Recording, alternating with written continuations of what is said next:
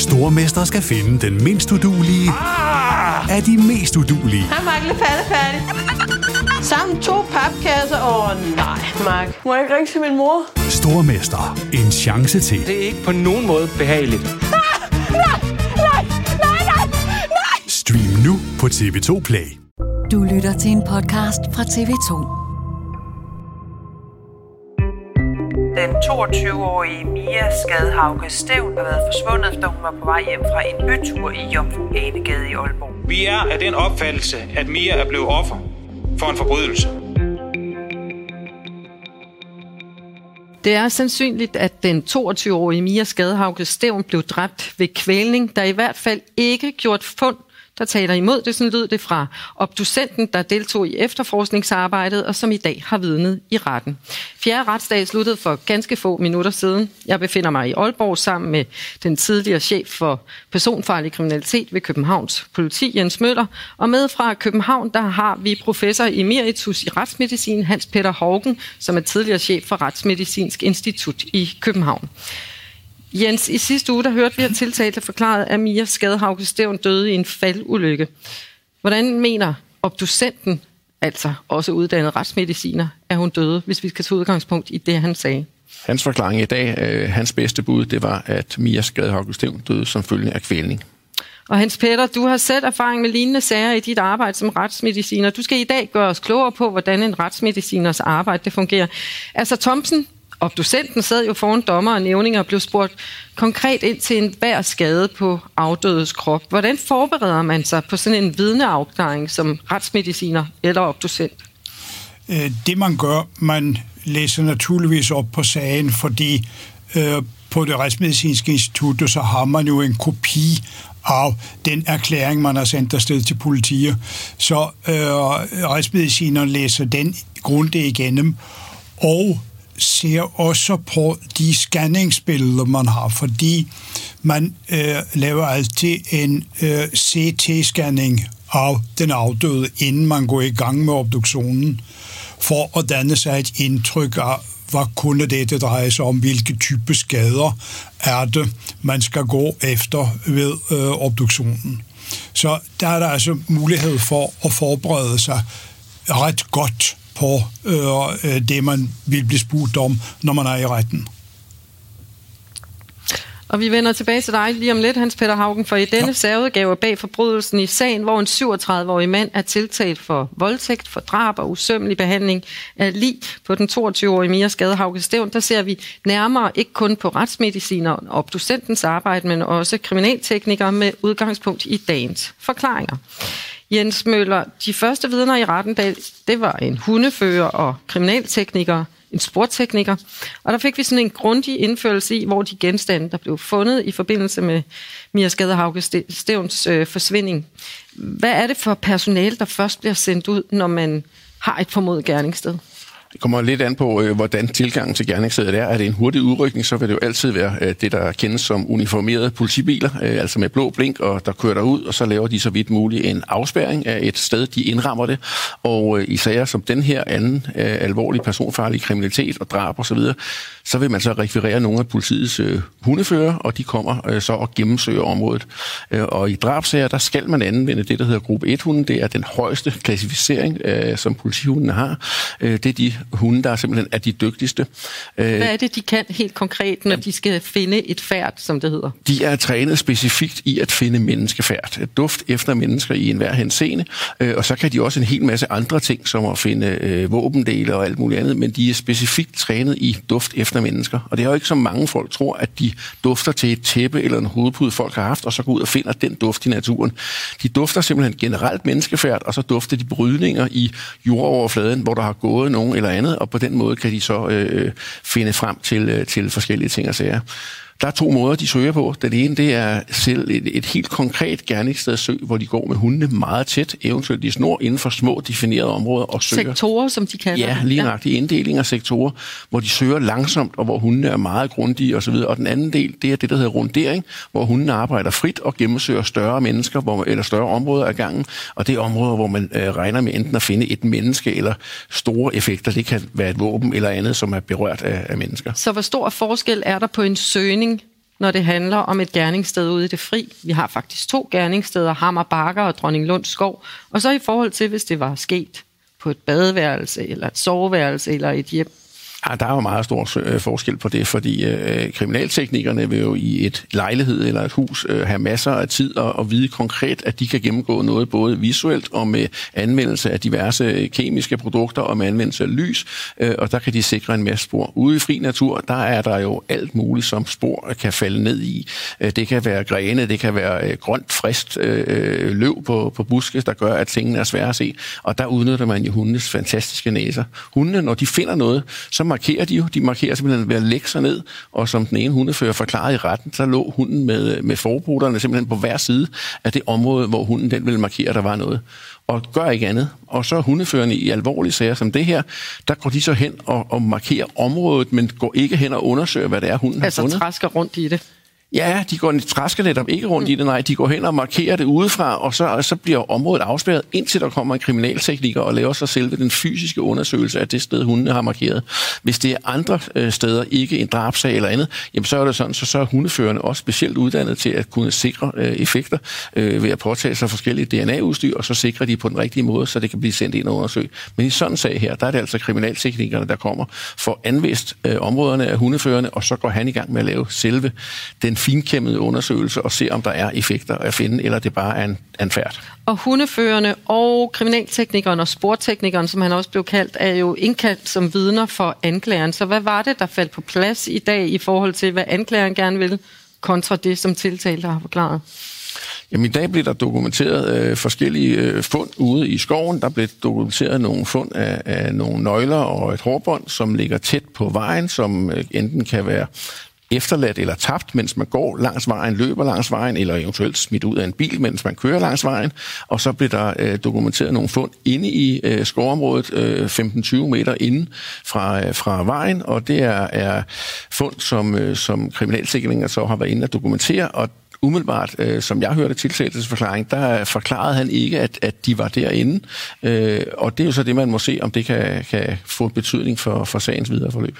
Det må vi se. Øh, obducenten Asser Thomsen fra Københavns Universitet, han øh, blev Ja, han afgav forklaring i tre timer og et kvarter, sådan som jeg lige kan regne det ud. Og Hans Peter Haugen, du har arbejdet som retsmediciner i 32 år faktisk, flere ja. end 30 år.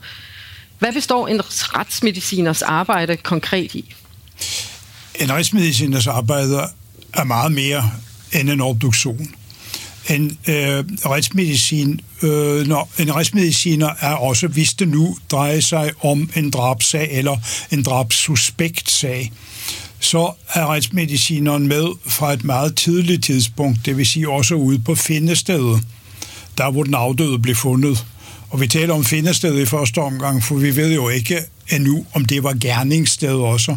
Gerningsstedet kan jo være et sted, og så kan den afdøde være blevet transporteret til der, hvor, hvor den afdøde blev fundet. Så vi taler altid om findestedet.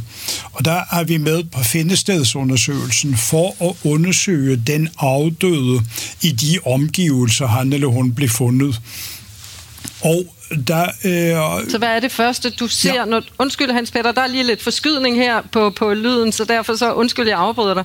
Hvad er det så, man forbereder sig på, når man tager ud på et gerningssted? Fordi jeg kan love dig for, at der er rigtig mange seere, der spørger om, øh, hvordan de pårørende har det, hvordan vi journalister har det, der dækker det, men, men, men du vil jo være manden, der kommer ud og så skaderne på afdøds krop først. Hvordan forbereder ja. man sig på det? Man får at vide i korte træk fra øh, politier, typisk fra en af efterforskerne, eventuelt en af kriminalteknikerne, som ringer til retsmedicineren og beder ham eller hende om at komme. Øh, og der får man i grove træk at vide, hvad det drejer sig om.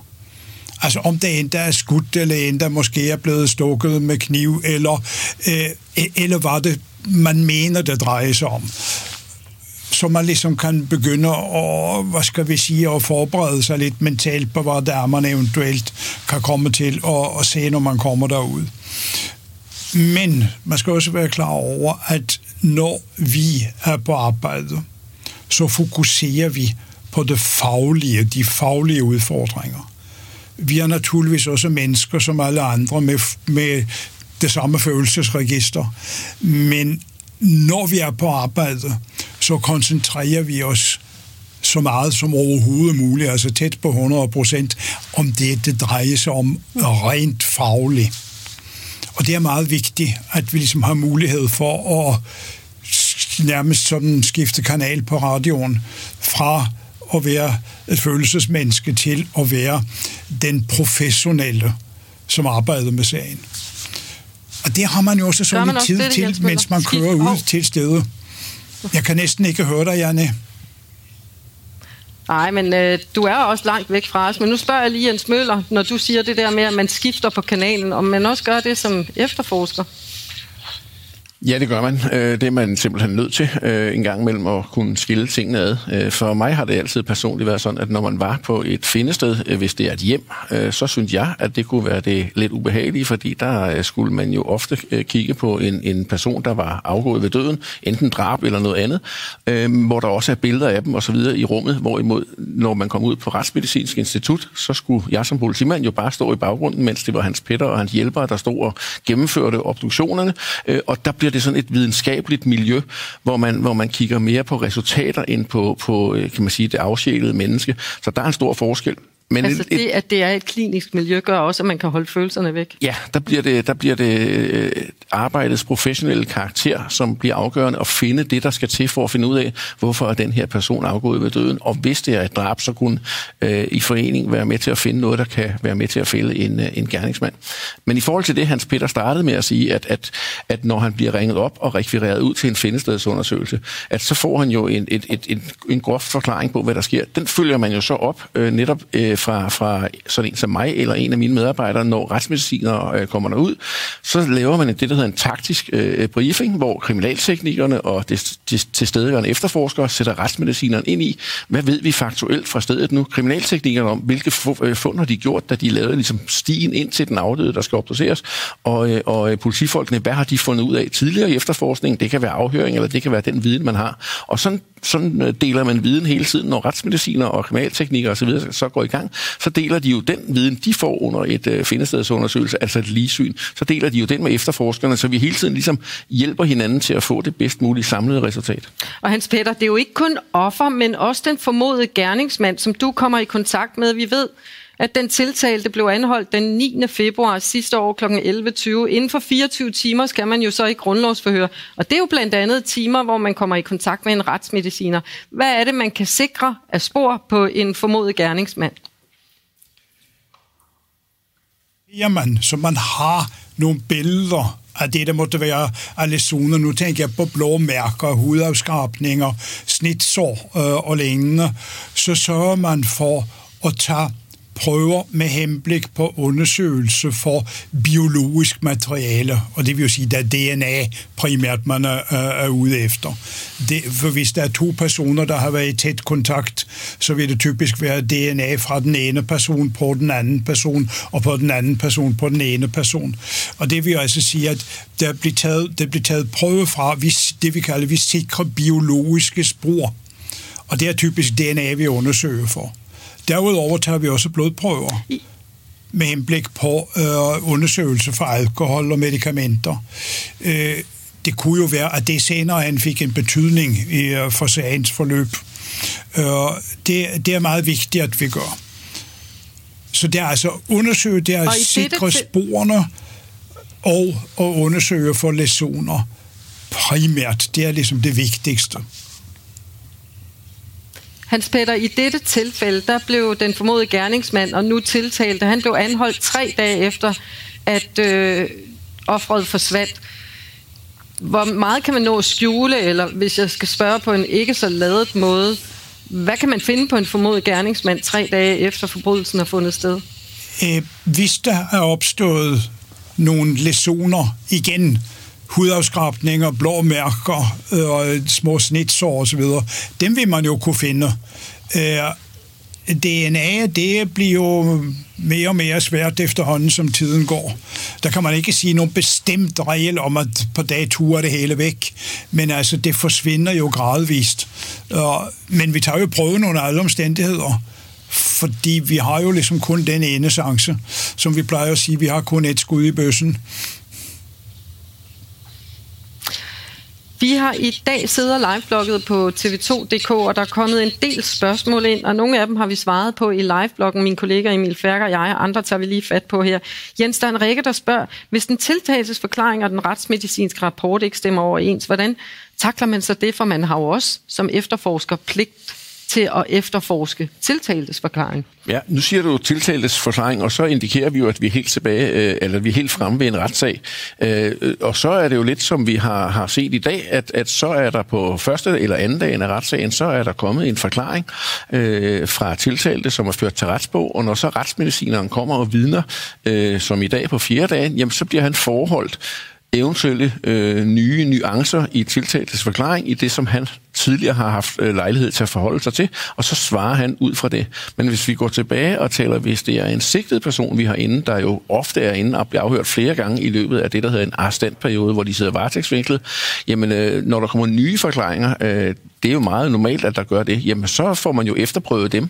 Øh, jeg har haft eksempler, hvor, hvor man får en, en, en forklaring, der er markant anderledes end den, som, som den sigtede har afgivet tidligere, og så går man jo selvfølgelig lojalt ud og får efterprøvet den. Det kan være ved retsmediciner, man spørger om, det kan også være ved folk fra Teknologisk Institut eller andre eksperter, øh, eller for den sags skyld helt almindelige vidner, som lige pludselig kommer ind i billedet, jamen så går man jo ud og afhører dem igen. Så der gør man hele tiden det, at man, man prøver at forholde sig til en sigtets forklaring øh, løbende undervejs.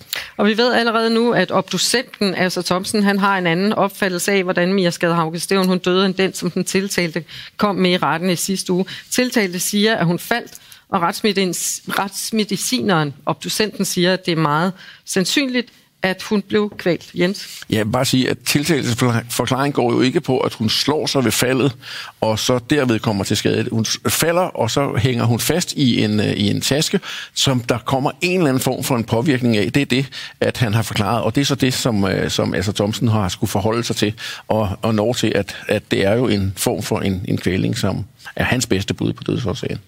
Hans Peter Haugen, øh, altså Thomsen nævnte det, der hedder en traumatisk kvælning. Hvad er det egentlig? Hvad dækker det egentlig over? Ja, når, vi snakker, når vi snakker om traumatisk kvælning, så er det enten, kan vi sige, at man bliver kvalt med hænderne, altså lægge hænderne på halsen og trykker, eller det kan være, at der bliver brugt en ledning, en snor lignende, som bliver slået om halsen, og så bliver det trukket ud til hver side. Det er eller man bliver hængt. Det er en traumatisk vælling, for det er et traume, der bliver påført. I modsætning til, hvis man bliver kvalt for eksempel i lufttomt rum, så er det jo ikke nogen ydre, der er ikke nogen traumatiske påvirkninger. Man kan ikke se nogen mærker bagefter, hvis man dør på grund af iltmangel, bare fordi det ikke var ilt i den luft, man øh, indånder. Hvordan, der er en, der spørger, Mille, hun spørger, forklar retsmedicineren, hvorfor kvælning er vanskelig at håndtere. Øh, er det vanskeligt at konstatere, eller vægter beviserne ikke nok i dansk ret? Det må vi jo så finde ud af, når dommer og nævning skal træffe afgørelse senere i juni måned. Men altså, Thomsen sagde det her med, at kvælning kan være vanskeligt at håndtere. Hvilke ord vil du sætte på det, Hans Peter? Ja, det, det, det kan være. Jeg vil sige, at de klassiske tegn på kvælning, det er jo ikke altid, at de er til stede. Fordi det kan jo være, at den afdødes tilstand er sådan, at man ikke kan påvise det, som er mest almindeligt, at der er punktformede blødninger i øjnene, eventuelt i ansigtshuden, øh, at der er blødninger inde i muskulaturen på halsen, eller at der er brud af nu af skjoldbrusken. Det kan jo være, at enten at den afdødes tilstand, som sagt, er sådan, at man ikke kan påvise dette, eller det kan være, at noget af det, man gerne vil undersøge, for eksempel en del af halsen, ikke er til stede. Og så kan det være lidt svært at udtale sig med sikkerhed. Men hvad gør man så, når man sidder derinde som anklagerens vidne, fordi vi ved jo, at vidner skal sige sandheden. Er du anklagemyndighedens vidne, eller er du videnskabsmand? Hvor går grænsen for dig? Øh, jeg er absolut videnskabsmand, og naturligvis stillet til rådighed for retten. Hverken anklagerens mand eller forsvarens mand, men rettens mand, hvis der... Øh, og jeg holder mig jo strengt, strengt til det, vi kan bevise mens hvis vi kommer ud i ting, som ikke kan bevises eller påvises i den aktuelle situation, så skal man som, øh, som retsmediciner give klart udtryk for den tvivl, man har, og at det derfor ikke er sikkert, det man siger. Ligesom jeg kan forstå, at, at altså Thomsen i dag har sagt, at ja. hans bedste bud er. Det er jo ikke det samme som, at dette er. Han siger, mit bedste bud, det er. Så der skal man ligesom være klar over, at man ikke går for langt. Man skal ikke, man skal ikke sige mere, end det man kan stå inde for. Og det supplerer han jo så med, at han heller ikke kan komme med et andet bud på en sandsynlig dødsårsag. Ja, som efterforskning, hvad gør man så i sådan en situation, hvor man godt ved, at sådan den endelige konklusion fra obducenten eller retsmedicineren ikke på en eller anden måde kan være det endegyldige bevis? Hvad er det så? Står man med, en, som nogle politier kalder det, en perlerække af indicier, eller, eller hvad gør man i den situation? Men der er, er rigtig mange, der har spurgt om det her, den endelige dødsårsag. Og i og med, at vi ikke går i detaljer med skaderne på Mia Skaderhauges krop, Stævns krop, jamen så, så står vi også i den situation, at det kan være svært at fortælle. Ja, og det er jo sådan, hvis ikke man har et eller flere beviser i en retssag, så er det jo summen af en længere indiciekæde, der ligesom bliver det samlede bevis i retssagen, og så er det jo mange omstændigheder øh, undervejs, der kan pege på en eller anden begivenhed, og så er det jo så op til retten at vurdere, om de her mange, mange omstændigheder, der peger på, at det kunne være sådan, at det er nok til, at retten vil sige, at summen af indicier bliver bevisødt i sagen så skal vi vende os mod i morgen, fordi næste retsdag er i morgen, og her skal flere civile vidner afhøres. Den tiltaltes kammerat, der kortvarigt var anholdt i sagen, men sigtelsen mod ham, den er, blev altså hævet i april sidste år. En tidligere arbejdskollega og en tidligere kæreste, altså vidner, der ikke var der den pågældende nat, men vidner, der kendte den tiltalte, såkaldte karaktervidner skal afgive forklaring i morgen. Hvorfor gør man brug af såkaldte karaktervidner, Jens Møller? Jamen det er jo fordi, at man enten som forsvar eller som anklagemyndighed har nogle specielle øh, karaktertræk eller andet, man gerne vil øh, have, have frem i retten. Og normalt siger man jo, at vi bruger ikke karaktervidner i Danmark. Øh, de vidner, der skal føres, skal have en konkret tilknytning til den aktuelle sag. Øh, og hvis de har det, så kan man jo indkalde dem, og så vil det jo ofte være sådan, at de sideløbende med det har en mening om enten øh, øh, den forurettede eller gerningsmanden, som de så også kan, kan forklare om i, i retten. Øh, og i det her tilfælde har vi jo noteret os, at, øh, at øh, sagens forsvarsadvokat har ligesom protesteret mod nogle af de her vidner, fordi at hun mener, at det er rene karaktervidner, der alene er, er indkaldt med et bestemt formål. Øh, og det har jeg ingen øh, faktuel viden om, så det kan jeg ikke udtale mig om. Men, men der har i hvert fald været en tvist om det, øh, og, og øh, det sker jo en gang imellem, og som regel, så, så skal der være en eller anden konkret tilknytning til sagen, øh, som, som øh, anklagemyndigheden i det her tilfælde kan påvise, og derfor angive, at det er den øh, grund, der skal være for, at de pågældende skal afhøres. Ja, vi, øh, forsvarsadvokaten bad faktisk byretten om at tage stilling til, om øh, karaktervidner de skulle kunne bruges. Øh, det sagde byretten ja til, så hun kærede kendelsen fra byretten til landsretten, og her er landsretten landsretten også sagt, at de karaktervidner gerne må bruges. Der er nogen, der vil sige, at det er et skred. For eksempel Torgil Højer, som stod med en terrortiltale en gang, sagde, jamen altså det, at han har skrevet Osama Bin Laden på sin kladehæfte, det er jo ikke ens betydende med, at han er terrorist. Jeg ville jo heller ikke være nazist, fordi man fandt mig en kamp derhjemme. Hvad tænker du om det?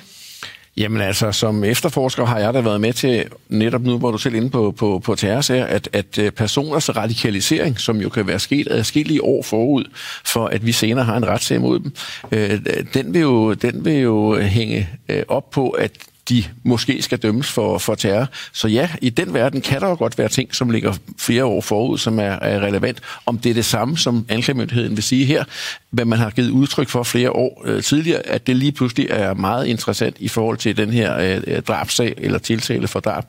Jeg ved ikke, hvad det er, øh, at anklageren vil med det, men det må vi jo se i morgen. Vi ved i hvert fald, at der er en kæreste, der skal afgive forklaring. Vi ved også, at han faktisk har en dom for at forsøge at kortslutte hendes bil ved at bram, eller skære tændredet over for nogle år siden, og det er sikkert også det, der vil blive dokumenteret i morgen. For alle dem, der har spurgt i forhold til mentalundersøgelse, så kan jeg sige, at den vil sikkert blive dokumenteret i forbindelse med, at man skal procedere for straf på et tidspunkt, så er det der mentalundersøgelsen, den vil blive dokumenteret. Tak fordi du var her, Jens Møller. Vi er her igen i morgen. Også tak til dig, Hans Peter Haugen, med fra København.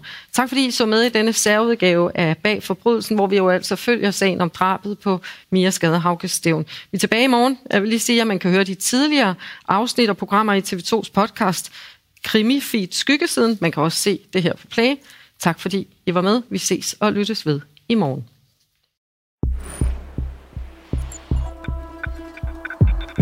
Du har lyttet til en podcast fra TV2.